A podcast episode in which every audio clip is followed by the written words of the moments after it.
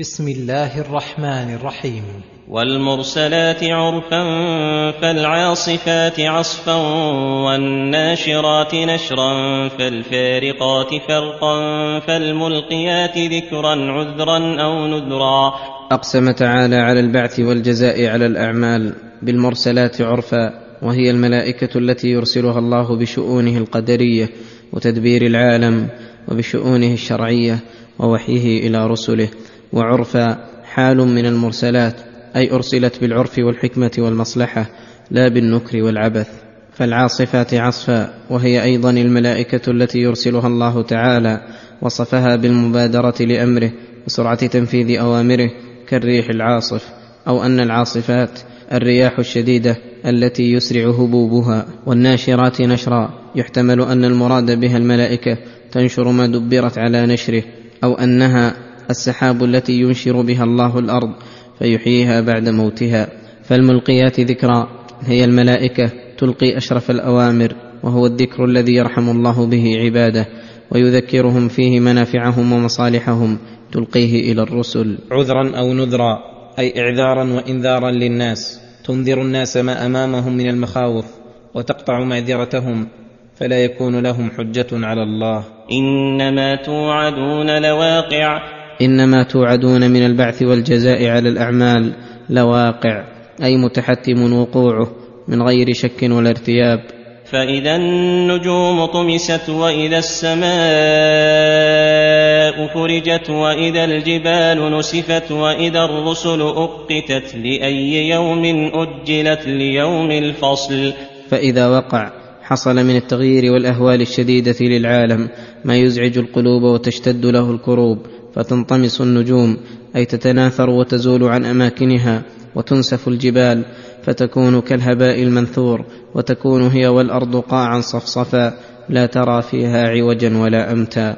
وذلك اليوم هو اليوم الذي أقتت فيه الرسل وأجلت للحكم بينها وبين أممها ولهذا قال لأي يوم أجلت ليوم الفصل؟ لأي يوم أجلت استفهام للتعظيم والتفخيم والتهويل ثم أجاب بقوله ليوم الفصل.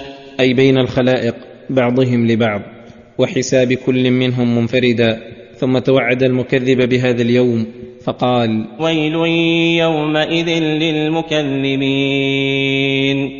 أي يا حسرتهم وشدة عذابهم وسوء منقلبهم أخبرهم الله وأقسم لهم فلم يصدقوه فلذلك استحقوا العقوبة البليغة. ألم نهلك الأولين ثم نتبعهم الآخرين كذلك نفعل بالمجرمين. أي أما أهلكنا المكذبين السابقين ثم نتبعهم بإهلاك من كذب من الآخرين. وهذه سنته السابقة واللاحقة في كل مجرم لا بد من عقابه. فلم لا تعتبرون بما ترون وتسمعون؟ ويل يومئذ للمكذبين. بعدما شاهدوا من الآيات البينات والعقوبات والمثلات. ألم نخلقكم من ماء مهين فجعلناه في قرار مكين إلى قدر معلوم فقدرنا. أي أما خلقناكم أيها الآدميون من ماء مهين أي في غاية الحقارة. خرج من بين الصلب والترائب حتى جعله الله في قرار مكين وهو الرحم به يستقر وينمو. إلى قدر معلوم فقدرنا. إلى قدر معلوم ووقت مقدر. فقدرنا أي قدرنا ودبرنا ذلك الجنين في تلك الظلمات ونقلناه من النطفة إلى العلقة إلى المضغة إلى أن جعله الله جسدا ثم نفخ فيه الروح. ومنهم من يموت قبل ذلك. فقدرنا فنعم القادرون. يعني بذلك نفسه المقدسة لأن قدره تابع لحكمته موافق للحمد. ويل يومئذ للمكذبين. ألم نجعل الأرض كفاة أحياء وأمواتا؟ أي اما مننا عليكم وأنعمنا بتسخير الأرض لمصالحكم. فجعلناها كفاه لكم أحياء في الدور وأمواتا في القبور. فكما أن الدور والقصور من نعم الله على عباده ومنته فكذلك القبور رحمة في حقهم وستر لهم عن كون أجسادهم بادية للسباع وغيرها. وجعلنا فيها رواسي شامخات وأسقيناكم ماء فراتا. وجعلنا فيها رواسي أي جبالا ترسي الأرض لئلا تميد بأهلها فثبتها الله بالجبال الراسيات الشامخات أي الطوال العراض. وأسقيناكم ماء فراتا أي عذبا زلالا. قال تعالى أفرأيتم الماء الذي تشربون؟ أأنتم أنزلتموه من المزن أم نحن المنزلون؟ لو نشاء جعلناه أجاجا فلولا تشكرون. ويل يومئذ للمكذبين. مع ما أراهم الله من النعم التي انفرد بها واختصهم بها فقابلوها بالتكذيب. انطلقوا إلى ما كنتم به تكذبون. هذا من الويل الذي أعد للمجرمين المكذبين أن يقال لهم يوم القيامة. انطلقوا إلى ما كنتم به تكذبون. ثم فسر ذلك بقوله انطلقوا إلى ظل ذي ثلاث شعب. أي إلى ظل نار جهنم التي تتمايز في خلاله ثلاث شعب. أي قطع من النار تتعاوره وتتناوبه وتجتمع به. لا ظليل ولا يغني من اللهب. لا ظليل ذلك الظل أي لا راحة فيه ولا طمأنينة ولا يغني من مكث فيه من اللهب بل اللهب قد أحاط به. يمنة ويسرة ومن كل جانب كما قال تعالى لهم من فوقهم ظلل من النار ومن تحتهم ظلل لهم من جهنم مهاد ومن فوقهم غواش وكذلك نجزي الظالمين. ثم ذكر عظم شرر النار الدال على عظمها وفظاعتها وسوء منظرها. فقال إنها ترمي بشرر كالقصر كأنه جمالة صفر. وهي السود التي تضرب إلى لون فيه صفرة وهذا يدل على أن النار مظلمة لهبها وجمرها وشررها وأنها سوداء كريهة المنظر شديدة الحرارة نسأل الله العافية منها ومن الأعمال المقربة منها. ويل يومئذ للمكذبين. هذا يوم لا ينطقون ولا يؤذن لهم فيعتذرون. أي هذا اليوم العظيم الشديد على المكذبين لا ينطقون فيه من الخوف والوجل الشديد. هذا يوم لا ينطقون ولا يؤذن لهم فيعتذرون. أي لا تقبل معذرتهم ولو اعتذروا. فيومئذ لا ينفع الذين ظلموا معذرتهم ولا هم يستعتبون.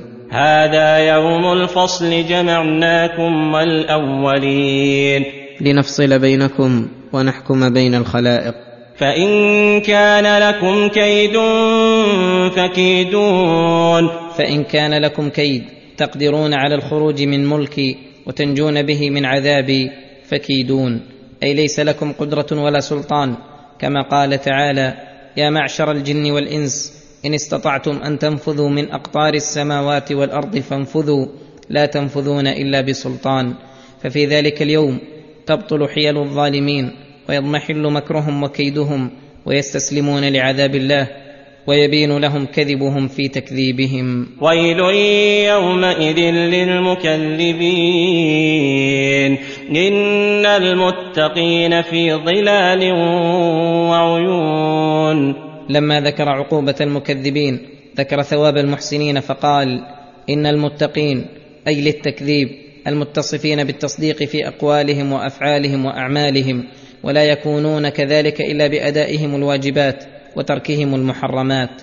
في ظلال من كثرة الأشجار المتنوعة الزاهية البهية وعيون جارية من السلسبيل والرحيق وغيرهما. وفواكه مما يشتهون. أي من خيار الفواكه وأطيبها ويقال لهم كلوا واشربوا هنيئا بما كنتم تعملون. كلوا واشربوا من المآكل الشهية والأشربة اللذيذة هنيئا أي من غير منغص ولا مكدر ولا يتم هناؤه حتى يسلم الطعام والشراب من كل آفة ونقص وحتى يجزموا أنه غير منقطع ولا زائل. بما كنتم تعملون.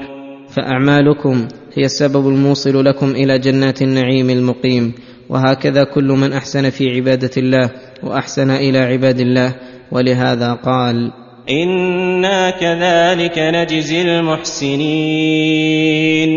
ويل يومئذ للمكذبين. ولو لم يكن لهم من هذا الويل إلا فوات هذا النعيم لكفى به حرمانا وخسرانا. كلوا وتمتعوا قليلا إنكم مجرمون. ويل يومئذ للمكذبين. هذا تهديد ووعيد للمكذبين أنهم وإن أكلوا في الدنيا وشربوا وتمتعوا باللذات وغفلوا عن القربات فإنهم مجرمون. يستحقون ما يستحقه المجرمون.